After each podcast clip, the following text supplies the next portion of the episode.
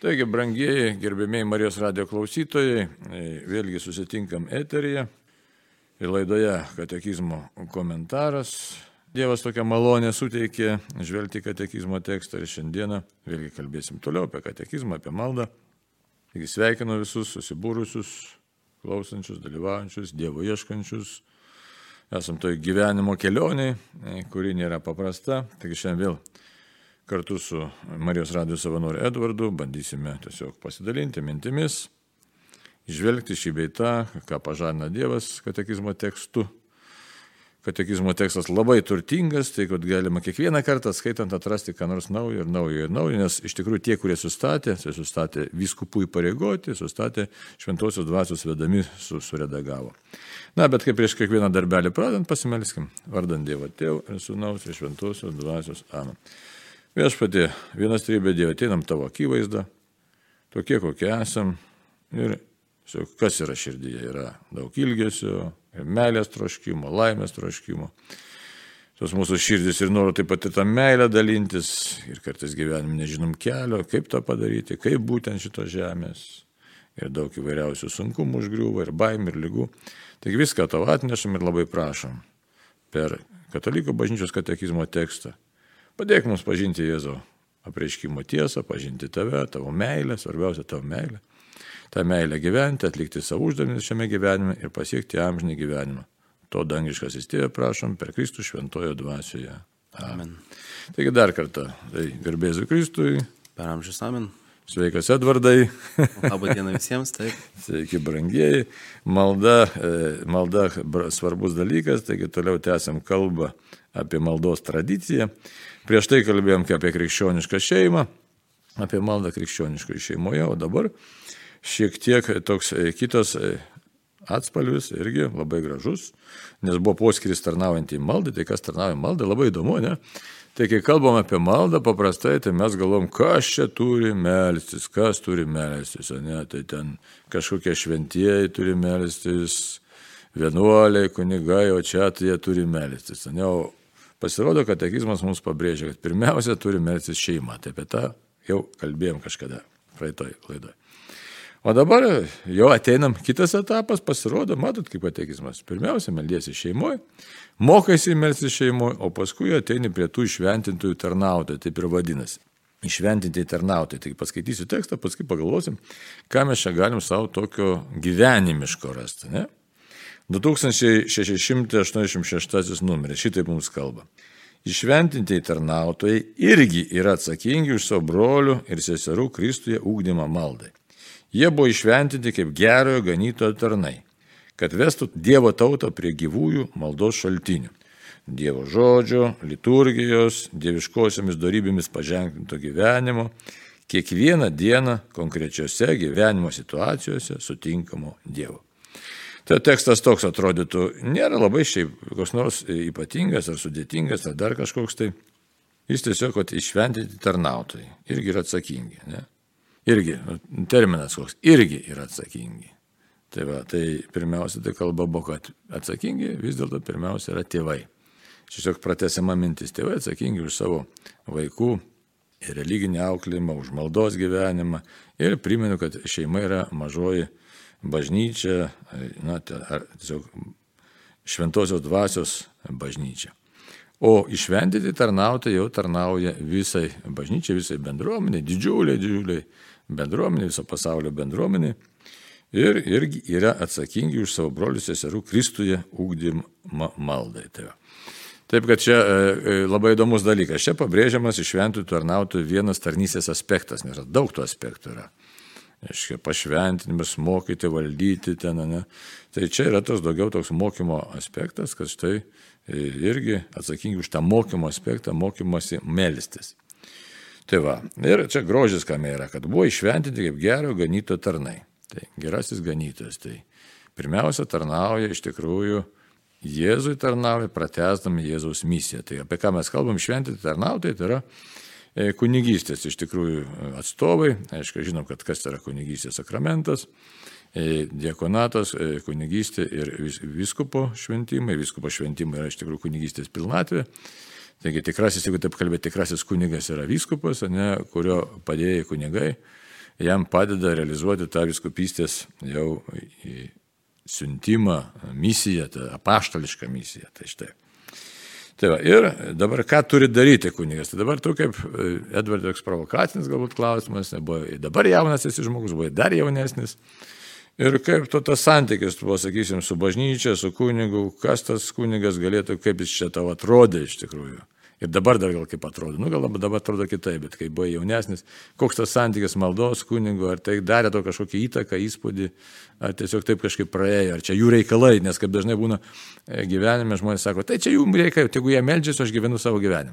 Nu tai aš sakyčiau, kad labai čia toks duodantis susimastyti klausimas, nes mat, šiaip iš jūsų tekstų taip atrodo toksai, kad ta mažoji šeimos bažnyčia, tokia va taip kaip nu, mes, tarkim, tėvai ir vaikai, Jie ateina į didžiąją bažnyčią, kur susirenka visos mažosios bažnyčios į tokią vieną bendrą visumą, į ben, didelę bendruomenę.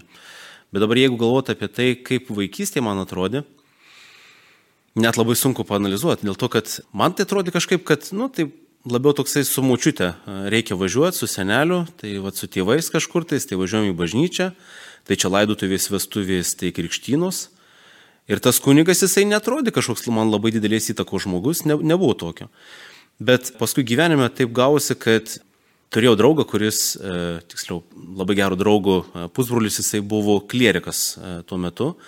O aš kaip tik išgyvenau savo tą tokią brandos momentą, tokį paauglystę, pavadinkim, ir, ir visur keliaudavau kaip didžėjus, kaip visur judėdavau, keliaudavau. Tai vad jo įtaka paskui buvo didelė, nes jisai gavosi, kad kaip artimas žmogus, kaip tas žmogus, kuris kuris paaiškino, kas yra bažnyčia, kas yra ta švenčiausiai trejybė, kaip ten visokia tokia, nu daug tokių visokių situacijų. Ir tada pasidarė, kad ta bažnyčia tapo artima dėl to, kad atsirado žmogus, kuris artimai paaiškino. Tai sakyčiau taip, jeigu, jeigu randi santyki ir, nu galbūt kiekvienam skirtingai, ten kažkoks, galbūt kažkam klebonas, vikaras ar, ar, ar diakonas, kažkas randi tą pokalbį su jais, tai tada atsiranda ir santykis gilesnis su bažnyčia. Ir čia yra problema, dėl to, kad kartais kunigas būna toksai, nu, aš negaliu pasakyti, kad jisai blogas kunigas, kad jisai netikintis ar dar kažkas, bet būna kuris kunigas, kuris nenori su žmonėm bendrauti, jisai tą tokių santykių neieško ir jisai tave kažkur atstumia. Ir tada viduje vyksta žaizda. Ir tada nenori ir bažnyčios, nes paprastai, tarkim, iš jaunų žmogaus pozicijos, kada maščiau, tai jeigu tavęs nepriima žmogus, tai ir ta bažnyčia tada jinai tokia tampa. Nu, įsiskaudini kažkaip. Taip. O dabar pagal katekizmo tekstą mes turim tą gerojo ganytojo įvaizdį įsivaizduoti, gerasis ganytojas. Mm. Tai toks pašaukimas labai rimtas. O ką daro gerasis ganytojas? Tai eina, ieško tos pasiklydusios avies, palikęs 99, reiškia, kurios nepasiklydo, dedasi tą pasiklydusią avį ant pečių ir dar net parsineša. Tai čia toks labai rimtas įpareigojimas mums kunigams, nes ne tik, kad rūpestį parodė, bet jau tikrai ypatinga rūpestį dar su švelnumu. Tai čia, nu, savotiškai, aš iš savo patirties galiu pasakyti, tai prašau, kad tavo jėgas Neretai. Žmogiškas jėgas, ta prasme. Ir aišku, tada jau jis turi įsijungti tas, nu, dievoškas elementas, dievo malonės veikimas, kad tu tikrai turi būti atviras pats, pats tam. Bet dabar kalbam apie maldą. Tai, tai pašaukimas iš tikrųjų labai rimtas ir jis rimtas todėl, kad tai pratęsia tą misiją ir, ir tą buvimą, kurį vaikas, nu, brestantis žmogus, jaunas žmogus, nu, tas, kuris kelyje yra. Kelyje pas Dievo, jisai gavo tą tokį pradmenis kažkokius tai gavo ir dabar turi aukti toliau ir tas augimas jau kur kas rimtesnis yra. Kur kas, nes šeimoje išmoko tos galbūt tokios paprastos visai, jeigu išmoko, aišku, bet kalbam tas atveju, jeigu išmoko. Tai tokia situacija, kad štai pradėjo gavai pradmenis, išmokai tėvę mūsų sveiką Mariją, dar kažką, tai santykių kažkokio su Dievu, kaip tau atrodo, nes neretai labai vaikai gražiai įsivaizduoja tą santykį su Dievu ir labai giliai kartais ir tas labai daug nuoširdumo tame būna. Bet tai tas turi paskui vystytis ir aukti pagal šventą raštą, pagal apreiškimą, pagal bažnyčios mokymą ir eiti vis gilin ir gilin, nes nėra ribų mūsų dvasiniam augimui. Tai štai, sako, kad vestų Dievo tautą. Šitai kunigo pašaukimas vesti Dievo tautą, viskupo kunigo, nu, bet kokio švento tą prasme. Asmens prie gyvųjų maldos šaltinių. Dabar tai toks yra ūkdymo elementas labai svarbus. Ir čia išvardina, kokie tie gyvėjų e, maldos šaltiniai. Sako, Dievo žodžių. Reiškia, būtinai šventą raštą. Kunigo uždavinys supažindinti žmonės, kaip galima naudoti šventą raštą maldos gyvenime. Tai čia irgi labai svarbus dalykas, kaip naudoti šventą raštą. Nėra taip paprasta, nes žinom, kad turim jezuitišką, sakysime, nu, Ignaco Lojolos tą sistemą, arba turim tą knygelę, eigi savo kambarėlį, būtent sukurtą pagal tą jezuitišką sistemą, kad naudojant šventą raštą, kaip išmokti melsis. Ar teko, kad nors tą daryti? Su šventu raštu? Na. Skaitimu. Tai tą teko daryti tik asmeniškai, niekada to dar nedariau su vaikais.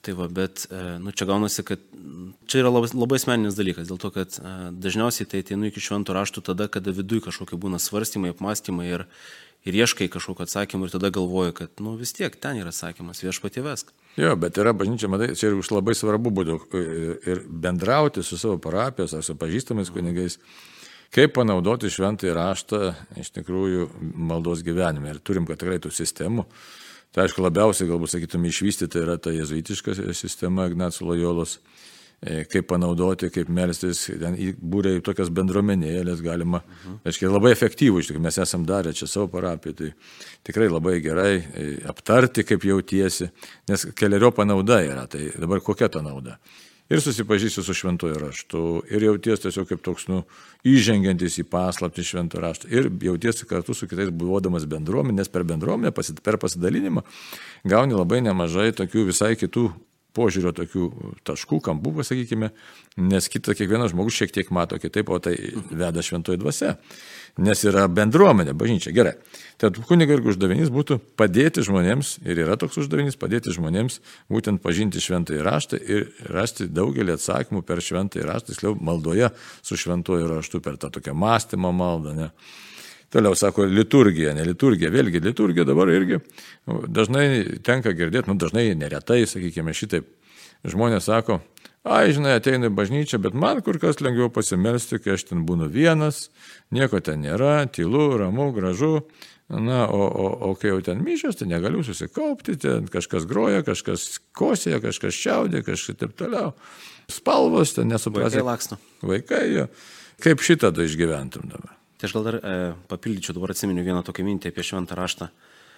Vienas iš, iš, išbrendimų tokiu laikotarpiu savo atsimenu, kada tavo pradėjau Facebooką kurti Ir kada tame puslapyje pradėjau kelt e, homilijas ir visokius tokius dalykus, labai iš tikrųjų gerai veikia, o dabar tik pamačiau apie tai, kad labai labai gerai veikia dėl to, kad tai padėjo susivokti.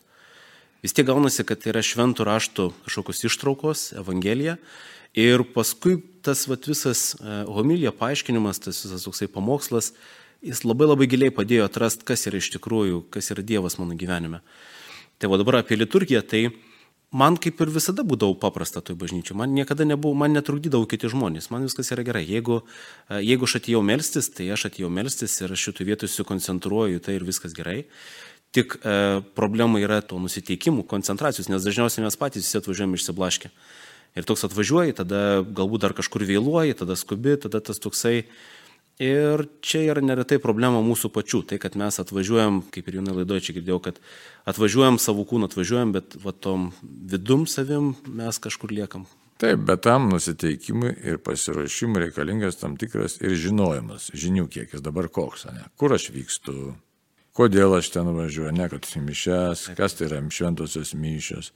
Toliau, dabar žiūrėkite, tokia paprasta problema, ne, ne problema, bet toks irgi žinojimo, sakysim, spraga kur išventinti tarnautojai galėtų labai stipriai padėti žmonėms, nes sako, nu tai šventosios mišios, nu tie, kurie žmonės jau pasidomėję, medžiasi dėl maldos gyvenime, nu tai supranta, kad taip jau Kristaus nekrūvina auka arba nekrūvinų būdų atkartojama. Jėzaus auka, taip tvarkoja, čia viskas gerai komunė. Bet kai paklausė, o ką reiškia spalvos tos, ne? Ką reiškia spalvos? Kodėl žalia, kodėl raudona, kodėl... Nu ir ką reiškia? Ir nežinau, ir tikrai nežinau. Taip čia atrodo, tai va, kitas dalykas, sakysim, dabar, kad čia raidės ant to altoriaus, ne mūsų tas, aiškiai, ir taip toliau. Begalė tokių simbolinių dalykų, kurie kalbėtų, jeigu žmogus tą žinotų. Ne, tai. uh -huh. O kadangi mes labai skubam, tas žinių kiekis toks, reiškia, prabėgantis, nu, ir, ir dalykai, kurie galėtų kalbėti, yra šalutinės, sakysim, galbūt jie nėra tikrai esminiai dalykai, savo, nu, tokia svoriu tokiu. Bet jie per tą liturgiją vis dėlto kalba labai daug. Ir tokios simbolikos bažnyčiose yra labai labai daug. Ką, reiškia sakykla, ką reiškia, sakysim, dažnai būdavo bažnyčiose altorius šiek tiek pastumtas į dešinę, jeigu žiūrėti, reiškia, simetrinės ašies, reiškia, įsivaizduot.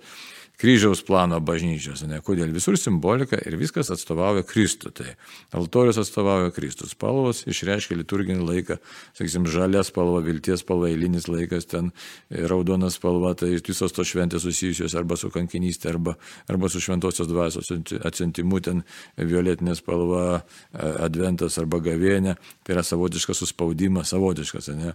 Na nu, ir ką mes dar turim? Kaip sakytume, šitą baltą spalvą, tai švenčių, auksinė stoja visas. Tai tokie dalykėlė, kad tu matai, štai kunigas baltai apsirengęs, reiškia, nu, šiandien mes švenčiam iš tikrųjų iškilime. Tai, tai kalėdos arba Velykos ir panašiai. Tai, tai tos tiesiog ūkdymas, kuris padeda mums, padeda, jis nėra pagrindinis, aišku, pagrindinis yra Jėzaus asmens sutikimas. Tai čia vėlgi tas už tai, sako, įpareigojimas išventi tarnauti gali pratesti ir turi pratesti tą tokį toliau, tokį visuminį tokį ūkdymą. Tai va. Dabar sako, tai čia dar ne viskas, aišku, dieviškomis darybėmis paženklinto gyvenimo. Aiškiai, labai reikia siekti. Tai darybėmis apie tas darybės, tai vėlgi, tai yra pašaukimas kalbėti, galvoti, siekti, būti su tom darybėm. E, taigi vėl tiesiog kviesti Dievo tautą ir išaiškinti, nes tikrai žmonės, kiekvienas dirba savo darbą. Medikas gydo, ne, ten vairuotojas vairuoja, na, o išventytos mes ypač pastatyto vadovauti bendruomenė, uždavinys tą bendruomenę ugdyti. Tai pratesti tą šeimos, šeimoje gautą sėklą, tai, kuri paskui tampa vis gilesniu ir gilesniu maldingumu. Ir įdomiausia, kad maldingumui nebėra ribų paskui, ne meditacija, paskui tos Dievas ir pasieksim kontempliaciją, galėsim išgyventi Dievo artumą. Čia kaip Dievas norės. Dar labai įdomus dalykas. Kiekvieną dieną konkrečiose situa gyvenimo situacijose sutinkama Dievą išgyventi iš tikrųjų, ne, kad padėtų tiesiog kiekvienose gyvenimo situacijose sutinkamo Dievo išgyvenimui. Aiškiai, pasitarnautų, išventintas yra tarnautojas, to prasme. Tai, tai šitoje vietoje vėlgi, kokie lūkesčiai būtų, ne, kokie būtų lūkesčiai, na, sakysim, ateina žmogus į bažnyčią, turi kažkokį pažįstamą kunigą ar vienuolį, na, čia ne vienuolį dar nekalbam, apie kunigus kalbam kokie lūkesčiai galėtų būti? O čia dažniausiai tai visi laukia gero pamokslo. Tai čia tas toks žmogiškai visą taip žiūri. Dėl to, kad e, iš tikrųjų aš vat, atsimenu vaikystę, tai būdavo, jeigu, jeigu geras pamokslas, tai vadinasi geros mišios. Nu, ar tai teisinga, tai ne. Nu, dabar jau taip atrodo, kad ne, bet, e, bet tas toksai. O lūkesčiai kokie? Lūkesčiai tai yra turbūt sklindanti šiluma. O toks vienas žodis, nu, bendras toksai vat, teiginys, kad turi, turi sklis šiluma. Čia va tas toksai pagrindinis lūkestis. Taip, tai, o kaip padėti, kad konkrečiose gyvenimo situacijose, pabendravus, sakysim, su išventintu asmeniu, su visku, prasakūniu ir su diakonu, paskui galėtume sakyti kažkaip, o čia taip bandysiu kažką tai žvelgti ir matyti. Ne? Tai nėra lengvas uždavinys, pačiam kunigui iš tikrųjų nėra lengvas uždavinys, kad tu dabar viską matai kitokiu kampu, matai per kitokią prizmę, matai per tikėjimo prizmę. Tai čia jau pakankamai daug kelio reikia nueiti gyvenimo kelio, tikėjimo kelio ir nebūtų čia taip paprastai, kad štai jau Aš čia taip lengvai pasižiūrėjau ir susiformavau per kokias tris dienas ar tris metus, čia taip nebus. Tai čia tiesiog tik tai yra. Ir dar žmogaus lūkestis, nu, kokį jisai lūkestį pats savo išsikelia, nes labai dažnai mes ateinam su situacija ir natūraliai mes norim, kad nu, kunigas pritartų mūsų mintim. O jeigu jisai pasako kitaip, kad sako, klausyk, tu neteisingai mastai, tada iš karto tas atrodo, kad kodėl jisai mane atmetė, jis man pasakė, kad neteisingai mastau. Nu taip, sukilti, gali, gali sukilti ambicijos, ne? Mhm pasipiktinimas būna ir gal klysta, kas klysta, pasimetimo yra visko, gali kunigas klysta atrodyti, ne? gal ir klysta, o gal neklysta, ar aš klystu, ar aš neklystu. Tai čia tokios abejonės gali būti, bet vėlgi tada, aišku, pasitikrinti reikia, čia už tai yra procesas. Tai, tai vienas proceso dalis, kad išventėjai tarnautojai turi tikrai labai svarbų dėmenį mūsų maldingumo ūkdyme. Juo labiau, kad jeigu mes sutinkam vienokį ar kitokį kunigą, kuris mūsų gyvenime padarė kažkokią tai, na, įtaką, ar ten, kaip pasakyti, įspūdį, ne? Tai labai įdomu, kad tai lieka visam gyvenimui. Uh mhm. -huh. Aš pagal savo galiu sakyti patirtį, iš tikrųjų, keletą kunigų, kurie man padarė įtaką visam gyvenimui ir praktiškai turbūt tokią neatsiejamą įtaką, žinai, nes jie labai įdomus kunigai, paskui juos cituoja, kažkaip juos matai, į juos lygiuojasi, sakysim, mano pirmasis klebonas, kuriam mišiom tarnavau, tai kunigas Alfonsas Lapė, nes, sakysim, jo pamokslai buvo tikrai labai spūdingi būdavo. Laikysin tokia labai vyriška, jis niekada su tais patarnautais per daug nesiveldavo jokias kalbas, bet ir kažkaip labai traktuodavo labai taip draugiškai. Tai Šia tokia distancija, bet tokia vyriška distancija laikėsi ir mums labai įspūdį darydavo tai. Ir kažkaip suformuoja paskui tokį žmogų. Labai tvarka didžiulė bažnyčia buvo, paskui vėl supranti, kad turi būti kažkaip labai gražu, švaru, taip teisinga, bet nebuvo smulkmeniškas. Tad, matot, tokios charakterio savybės veikia. Labai daug dalykų, kurie, kurie veikia. Kitą kunigą pažinojau, Nikodėmą Švaužlį, kuris buvo visiškai priešingybė lapė, Alfonso lapė, reiškia, bet jie buvo pažįstami draugai. Reiškia, visiškai netvarkingas buvo visiškai, bet originalas buvo, tai jis mokėjo. Reiškia, reiškia, tokių čia istorijų daug nepasakosiu, bet reiškia, jis, jis tiesiog istorijų mokėjo, dzūkiškas raudas gėdodavo per, e, reiškia, laidotų šventasias mišes per egzekvės. Tokių, nu vėl, tai pasižiūri, tai spektras labai įvairus, bet jisai, kodėl aš jį miniu, tai toks buvo ugdantis. Ten nieko nebuvo piktinančio, įsivaizduoti, nieko atstumiančio, kaip sakai, buvo labai daug tokio tėviškumo ir šilumos. Tai, mhm. tai čia kaip pavyzdėlis toks. Tai dabar galėtume dar kitą temelę paliesti, žiūrėkit, kitas numerėlis. Nuo, nuo kunigų perinam, nuo viskupų kunigų Čia galėtume, aišku, tęs, bet perinam prie kito e, aspekto. 2687 numeris kalba šitaip. Daugybė vienuolių visą savo gyvenimą paskyrė maldai. Pradedant Egipto dykumų atsiskyrėliais, vienuoliai ir vienuolės savo laiką skirdavo Dievui išlovinti ir savo tautai užtarti. Pašvestasis gyvenimas be maldos neišsilaikytų ir nesiplėstų. Jis yra viena iš gyvųjų kontempliacijos ir dvasinio gyvenimo bažnyčioje versmių. Štai mes periname visai prie kito tokio dėmens, prie vienuolinio gyvenimo.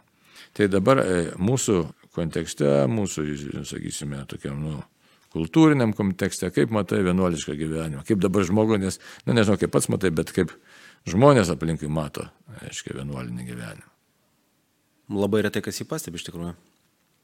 Aš pats asmeniškai neturėjau jokių kontaktų, jokių ryšių iki nu, labai labai ilgą laiką. Vat kada pradėjau savanoriauti Marijos radijoje, pradėjau matyti tada vienuolius. Iki tol aš neturėjau iš vis jokių sąlyčių, jokių... Nieko, nu taip, ten iš filmų kažkur pamatai, iš, iš kažkokių istorijų supranti, kad jie tenais uh, maldoje gyvena, kad gyvena tai tokioj gilioj tarnystėje, bet iš tikrųjų tai ir dabar labai mažai žinau apie vienuolius. Tiesiog aš matau, uh, pavienius žmonės, kuriuos kažkur susitinki savo gyvenime, kuriuos, tarkim, kažkokia tai bažnyčia susitinki ar dar kažkur ir, ir tas kontaktas būna trumpas ir mažas. Dėl to tokios pilnos nuomonės apie tai, kas yra vienuolystė, kaip kas, aš neturiu. Neturiu, labai mažai žinau. Bet tik labai įdomus pastebėjimas, sakysim, tarybinis laikotarpis ypač paveikė mūsų sąmonę, Lietuvo žmonių sąmonę ir man daug kartų teko girdėti, tiesiog dabar tas tęsiasi. Toks negatyvus požiūris į vienuolyje, labai gaila. Šiek, ai, kam jie reikalinga. Kunigas, nu tai suprantam, iš čia šventina, iš čia tai. mišes aukoja, iš čia išrišimą duoda, ta prasme sakramentinis gyvenimas. O vienuolis, ką jisai daro, tai sako, to tokių teko girdėti minčių, kad štai veltėdžiai tokie nieko nedaro, tik meldžiasi, valgo, nu, žodžiu, ką jie čia daro tokia, suprantate. Ir tai tokia negatyvi visiškai nuostata, kuri ką parodo materialistinio pasaulio tokį, na, mintysę, materialistinės pasaulėdžios dominavimą, kur nėra tikro teisingo požiūrį į dvasinį gyvenimą. O čia dabar, žiūrėk, katekizmas ką sako. Daugybė vienuolių visą savo gyvenimą paskyrė maldai. Tai gyvenimas pašvestas malda bar vardan ko? Jisai toks yra daugelypis arba e, keli sluoksniai yra. Tai yra vienas sluoksnis, kad meldžiasi iš tikrųjų už save, už savo išganimą. Bet tas meldymasis už savo išganimą nėra dar vienintelis dalykas, arba e, pagrindinis, gal net sakytum, nu savo aišku sielą, pirmiausia, turi išganyti savo sielą. Tačiau tai yra visą laiką malda, girnesis ėjimas į giluminį santykį su Dievu ir meldymasis už pasaulį. Tai aišku, kas žiūri visiškai materialistiškai, kaip dabar mes pripratę per ekonomikos prizmę, mhm. tai mes tada dažnai sakom, nu ką jis, vienuolis, taip ir būdavo tarybiniais laikais. Vienuolis negamina plytų, vienuolis nestato namų. Kas čia dabar daro? Vienuolis arba vienuolė, ne, čia meldžiasi, ne.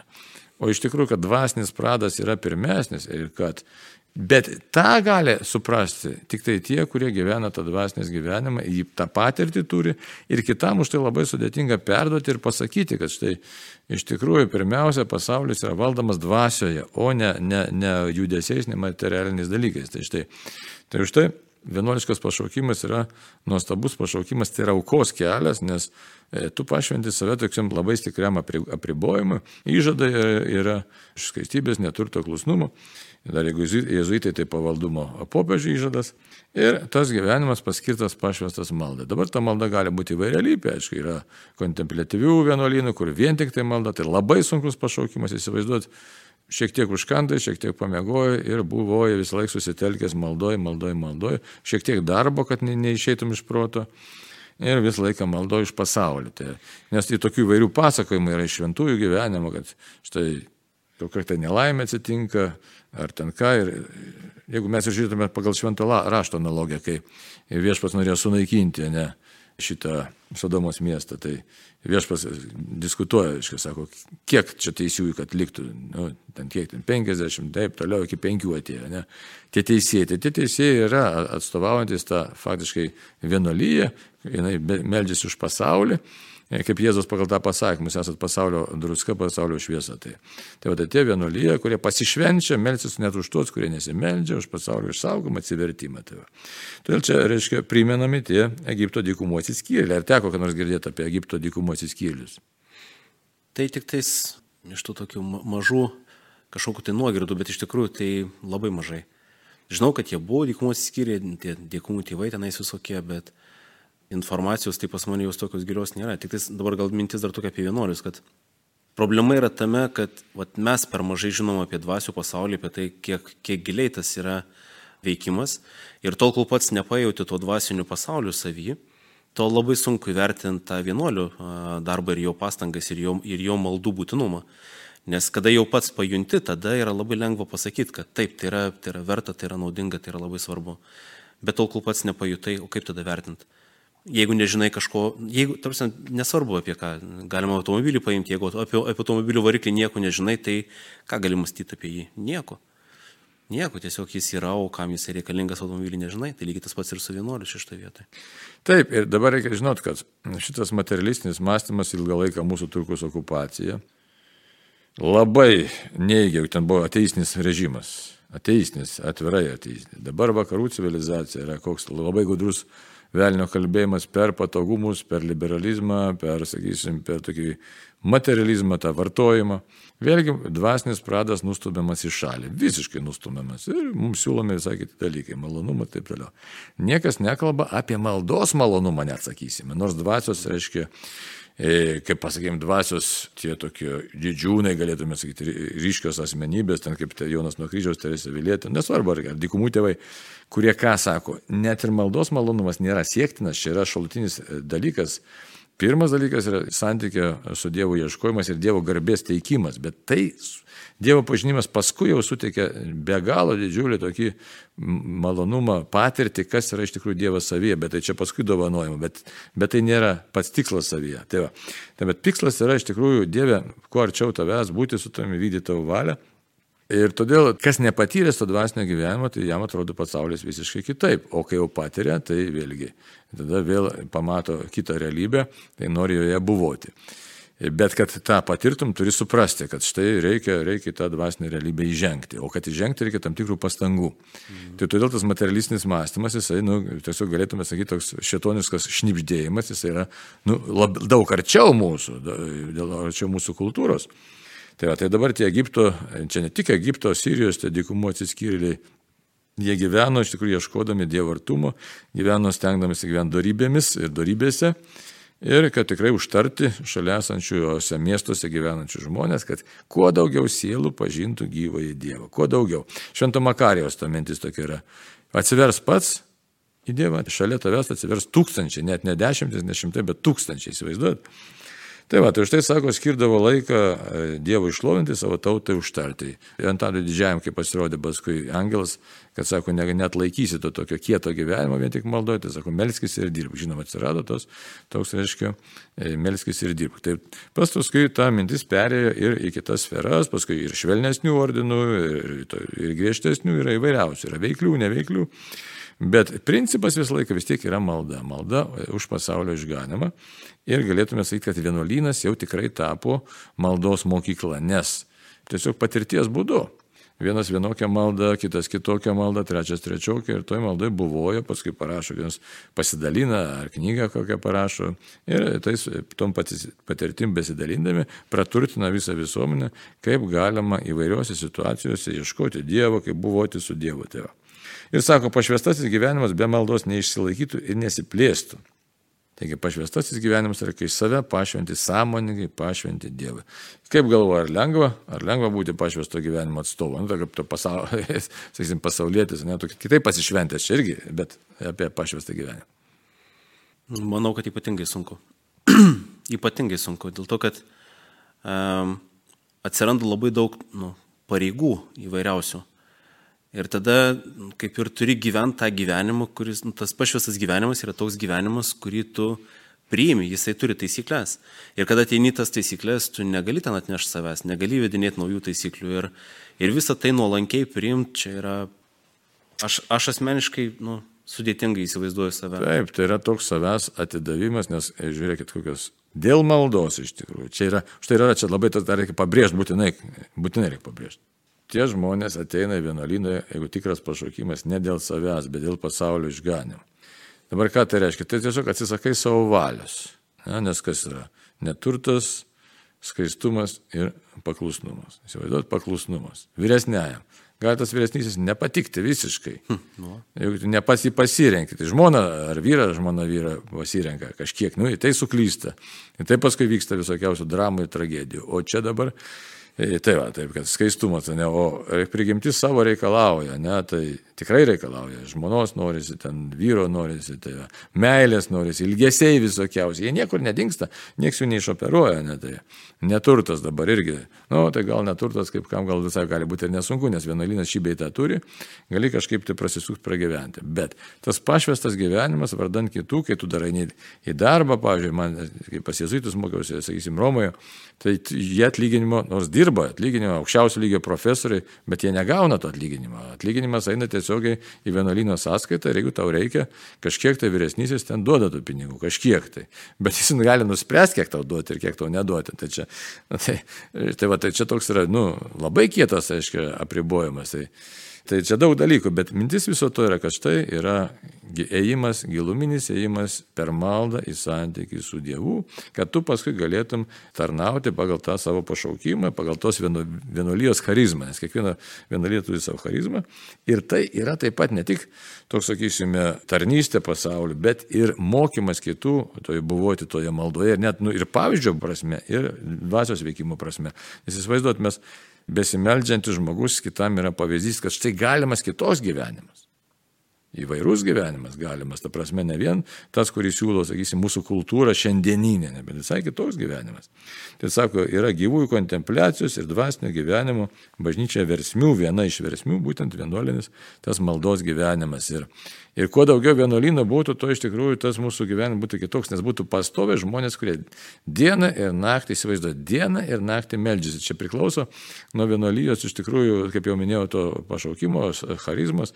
Yra vienuolynų tikrai, kurie nu, pasikeisdami adoruoja dieną, naktį, nu, kiti tenai na vaikus mokina, dar kažką senelius prižiūri, bet vis tiek viso to pagrindas yra malda. Tai irgi savotiška maldos mokykla jiems patiems vienuoliams, vienuoliams, bet taip pat maldos mokykla mums visiems Nes mes galim žvelgdami į tos žmonės su didžiausia pagarba reiktų žvelgti.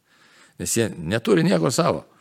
Nieko atidavė viską dėl to, kad tikrai pasitarnautų ir tuo neapčiuopiamu būdu, tai yra maldos būdu ir tarnystės būdu pasitarnautų bendruomenė, tai yra mums bažnyčiai pasitarnautų. Tai už tai man labai gaila, kad kartais ir mes kunigai, ir, ir, ir visuomenės nariai kažkaip tai, nu taip, nelabai pagarbiai žiūri vienuolius tarytum jie kažkokie tai būtų nu, keistuoliai ir auksuoti. Kita vertus, žvelgiant evangelijų požiūriu, tai ta nepagarba dėl Jėzaus, tai jiems iš tikrųjų yra nuopelninga, jeigu taip jų atžvilgiu, bet, bet tie nuopelnai jiems lengvai tikrai tikrai neteina. Tai štai čia tas, nu čia gal šiek tiek nuklydom, bet e, malda apie vienuolinio gyvenimo maldą, ta tema, bet, e, na, iš tikrųjų daugybė vyrų ir moterų paskyrė savo gyvenimą pasišvesti maldai nesupranta, kad pasaulis yra valdomas dvasiniu būdu. Tai va, tai va tiek, sakysime, šiandieną gal dar kokią mintį turėtum apie, apie maldą. Tai apie maldą galbūt apie vienuolius, kad, na, nu, iš tikrųjų net ir pačiam dabar nu, pakankamai susimaščiau apie tai, kad, nu, tikrai nepakankamai išvertinu tuos vienuolius ir, ir čia reikėtų ir pasimelst už juos, dėl to, kad jie irgi turi visokius polimus įvairiausius, įvairiausius sudėtingas situacijas. Bet ir šiaip manau, kad reikėtų ne tik pasimels, bet ir gerą žodį kartais pasakyti, kada pamatai. Ir reikia žinoti, kad tikrai tai yra dvasinė kova, Taip. vardan mūsų visų. Ir tai dvasiniai kovo, nu čia galima labai ilgai studijuoti. Antanas Didysis, Makarius, Pachomis, Evagrius, ten taip toliau, taip toliau visą plėjadą tų dykumų tėvų, kurių labai ne vieno dalygiai, sakysim, jeigu Antanas Didysis, net ten ypatinga asmenybė buvo, Evagrius buvo, kuris gaila nepaskelbtas šventuoju, tai ten šiokios tokios priežastys doktrinės buvo bet ypatingai išsilavinęs žmogus savo laikmečio. Tai padarė didžiulį įtaką paskui Jonas Kasijonas Romietis, ten, sakysim. Tai, tai tokie, tokie dalykai, kurie pakeitė, drąsiai galim sakyti, na, tą e, mūsų gyvenimą, Europos ir pasaulio visą istoriją, kultūrą. Šventas Pranciškus, Šventas Dominikas, ten taip pat vienuolinio gyvenimo atstovai. Tai, tai tas pašaukimas ypatingai svarbus Ir jisai gelbėja žmoniją, drąsiai galim sakyti, nes tai yra Kristaus kūno tokia, iškia, realizacija, nu, toks žodis realizacija, galbūt šio laikinis, bet, bet jisai tiesiog Kristaus kūno tas nu, išskleidimas, įgyvendinimas būtent per atskirus asmenys, kurie pasišvenčia visiškai tarnauti tiesiog nu, virš savo jėgų tarnauti Dievui. Tai va, tai irgi mūsų maldos mokykla yra, jie tarnauja maldai ir tuo pačiu kviečia mus tokiam didesniam įsipareigojimui, sakau, mus, nes kunigas, reiškia, nėra vienuolis, ne? yra panašumo kažkiek tai, bet vis dėlto yra daugiau laisvės, nes nėra paklusnumo įžado, yra savo viskupui tam tikras paklusnumas, bet tai yra pažadas, bet ne įžadas, tai yra skiriasi tie, tie niuansai. Ne? Nėra neturto išrato, žinai, tai, tai gali kažką turėti ir, kaip tau sekasi, ta prasme visai. Tai, tai čia, už tai yra niuansai tokie. Tai, o šitie žmonės, aiškiai, jie pasiryžo tikrai pasitarnauti mums visiems savo maldomis. Tai maldos mokykla tokia labai rimta, kuri tikrai turi įtakos. Ir jeigu prisimint, tos, kiek tie vienuoliai gerai yra padarę, sakysim, nu, asmeniškai trumpai, bebaigiant laidą, tokia aldutė buvo šančiuose. Ne? E, šančių parapija, kuri begalę vaikų paruošė pirmai komunijai. Ir aš pas ją ruošiausi, tarybiniai laikai buvo, galvoju, kiek dabar, kokie turbūt 69 metai buvo turbūt. Ar 70, kažkas tai panašaus. Tai įsivaizduot per dvi savaitės, bet man tai įstrigo visam gyvenimui ir aš jau tada jos klausydamas paskaitėlių ir pamokėlių, aš sakiau, aš būsiu kunigas. Man 8 metai tada buvo, tai 69 metai. Įsivaizduojat? Ką aš prisimenu, jos švelnumą prisimenu ir jos pamaldumą. Įsivaizduoju, tai. Šiluma. Taip, šiluma. Tai kągi, brangiai, tai mokykime toliau, buvokim maldos mokykloje ir ačiū už viską viešpatį, tu mūsų ves kaip vedėjai tos šventus vyrus ir moteris pasišventusius, Antaną didįjį, keistum mus ir per mūsų maldą keistum pasaulį ir gelbėtum. Ačiū visiems uždėmesi ir sudė. Amen. Mėly Marijos radio klausytojai, laidoje kalbėjo kuningas Arnoldas Valkauskas ir Marijos radio savanoris Edvardas. Likime kartu.